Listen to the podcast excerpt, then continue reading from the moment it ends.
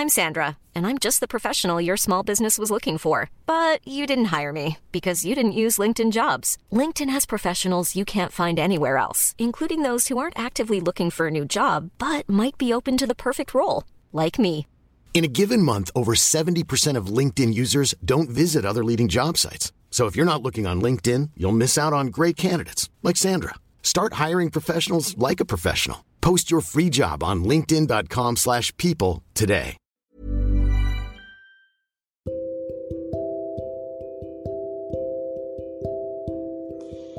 Haga logo segemu gua ga. Kali ini gue mau bahas tentang toxic positivity. Karena waktu itu di TikTok gue nge-upload em, salah satu screen record gue yang nge-record podcast judulnya merasa paling sedih. Itu sebenarnya video keempat gue dan baru empat hari gue di TikTok langsung masuk FYP. Sekarang viewersnya udah 700 ribu viewers. The best kalian. Dari situ banyak yang follow, banyak yang ngepoin podcast gua. Makasih banget, makasih banyak. Nah, tapi di situ juga kan di situ lagi bahas tentang ya gue yang muak sama orang yang setiap gue cerita balasnya cuma yang sabar ya. Dan ternyata banyak yang relate sama kalian. Tapi nggak sedikit juga yang bingung. Terus kita sebagai pendengar harus responnya kayak gimana? Gue udah bales sih yang bingung kayak gitu di TikTok juga. Tapi durasinya cuma 3 menit, jadi kayak kurang afdol aja gitu. Jadi kali ini gue mau bahas tuntas. Oke, balik lagi ke topik toxic positivity. Jadi apa sih itu toxic positivity? Melansir dari Psychology Today, ungkapan toxic positivity mengacu pada konsep bahwa seseorang hanya berfokus pada hal-hal positif, namun menolak apa pun yang dapat memicu emosi negatif. Ya, kayak yang kemarin di merasa paling sedih, ketika dunia lo lagi gelap gulita dan lo ngebutuhin bantuan, lo butuh seseorang buat nemenin lo, tapi yang temen lo bilang adalah yang sabar ya. Coba lebih bersyukur deh. Ada lo yang lebih menderita dibanding lo. Atau ya udahlah nggak apa-apa ntar juga lupa. Stay positif aja. Dan lain sebagainya. Sebenarnya nggak ada yang salah sih dari kalimat itu. Cuma menurut gua ya seseorang yang lagi bener-bener butuh bantuan, butuh wadah untuk nuangin tinta hitamnya tuh nggak butuh dengar hal yang sebenarnya mereka udah tahu. Mereka tahu mereka harus sabar, mereka sebenarnya tahu mereka harus husnuzon, mereka tahu harus stay positif, tapi keadaannya waktu itu mereka lagi nggak baik-baik aja. Mereka mau didengar, jadi jangan bilang hal yang mereka udah tahu dan jangan adu nasib. Em, dan juga ya, kadang kalimat-kalimat positif kayak gitu malah memperburuk keadaan gak sih? Bisa aja mereka makin menyalahkan diri mereka sendiri karena mikirnya gue nggak boleh nih punya perasaan negatif. Jadi lu nipu orang lain dan nipu diri sendiri. Selalu acting baik-baik aja tapi ternyata hancur. Dan kalimat-kalimat positif kayak tadi buat mereka jadi nggak mau jujur sama perasaannya sendiri. Yang kayak tadi pura-pura happy pura-pura nggak apa-apa pura-pura stay positif. Akhirnya cuma mendem itu dan bisa meledak kapan pun. Jadi gue udah nggak heran sama banyaknya kasus bunuh diri di dunia ini. Di Indonesia sendiri masih kurang banget sih pemahaman tentang kesehatan mental. Orang yang depresi aja dicapnya orang yang gak beriman, orang yang lemah, orang yang gak deket sama Tuhannya. Kalau orang itu bunuh diri, abis deh, dikatain macem-macem. Padahal dengan dia bunuh diri, itu jadi peringatan gak sih buat kita? Seberat apa masalah yang dia pikul sendirian? Dengan dia bunuh diri tuh harusnya kita lebih berempati sama dia.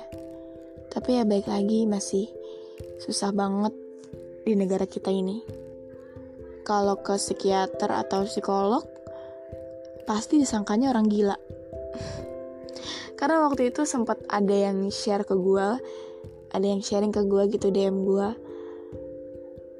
Gue mau kok ke psikolog atau ke psikiater, tapi gue takut sama perkataan orang lain, gue takut dikatain gila. Ya, gitu deh. Um, dulu gue juga pernah kayak gitu. Gue lagi marah, tapi harus pura-pura gak apa-apa. Karena kan bilangnya perasaan-perasaan negatif itu nggak boleh ada. Kita bolehnya positif terus. Gue juga pernah ada di posisi yang memositifkan temen gue yang lagi butuh bantuan. Karena ya gimana ya, gue juga tumbuh di lingkungan yang beranggapan negatif itu buruk, positif itu baik. Kan nggak selamanya kayak gitu. Yang positif belum tentu baik, yang negatif belum tentu buruk. Justru kalau ada banyak hal-hal negatif yang udah numpuk di pikiran dan hati lo itu harus dikeluarin, harus dituangin. Kalaupun lo ngerasa teman lo gak ada yang bisa bantu, lo boleh ke psikolog. Daripada lo malah self-diagnose kan. Jangan takut dikatain gila, karena kenyataannya lo emang lagi berusaha buat ngelamatin diri lo sendiri kok. Dan gue pernah denger quote di salah satu video di Menjadi Manusia. Dia bilang, pertolongan itu ada. Kita hanya perlu mengizinkan diri kita untuk ditolong. Jadi mulai sekarang kalau kalian lagi ngerasa sedih, kecewa, marah, cemas, apa pun itu, ya udah nggak apa-apa. Nikmatin aja perasaan-perasaan itu. Mau nangis, ya nggak apa-apa nangis aja itu normal, itu natural. Dan ya mungkin bagi yang bingung ketika temannya lagi cerita dan bingung respon apa, mungkin kalian itu nggak pernah ngerasain di posisi kita yang udah muak untuk disuruh sabar. Karena kalau kita nggak sabar sampai detik ini mungkin gue udah nggak napas kali. Jangan pernah berhenti nyoba untuk jadi pendengar yang baik. Karena dengan lo menjadi pendengar yang baik, lo bisa nyelamatin satu nyawa orang loh. Karena kan kita nggak tahu ya, ketika teman kita lagi cerita, itu dia mungkin dia punya niatan untuk bunuh diri. Atau mungkin itu chat terakhir mereka minta tolong sama lo. Miris gak sih? Kalau lo malah annoying kayak gitu responnya. So ya yeah.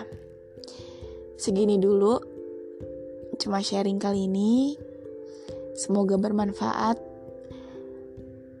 Dan gue mau ngucapin terima kasih sekali lagi Untuk kalian yang Udah berani nge-DM gue Karena uh, Serius beberapa hari ini banyak banget yang DM Cerita ke gue Gue makasih banget sih Karena gue merasa dipercaya gue merasa berguna. Um, padahal gue bisa dibilang stranger kalian gitu tapi kalian percaya nuangin tinta hitam kalian sama gue dan itu sangat berarti sih buat gue jadi kalau yang mau cerita mau sharing apa pun itu DM gue terbuka buat kalian tapi gue nggak janji untuk langsung ngerit ya. Gue nggak janji untuk langsung respon karena gue kerja jadi mungkin gue responnya pas gue libur hari Selasa. Oke okay.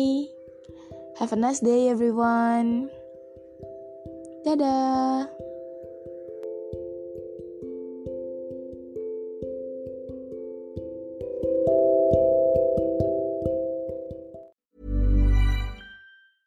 Ever catch yourself eating the same flavorless dinner three days in a row?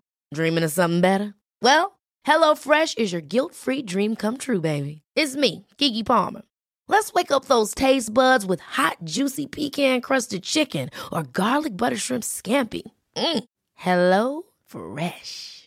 Stop dreaming of all the delicious possibilities and dig in at HelloFresh.com. Let's get this dinner party started.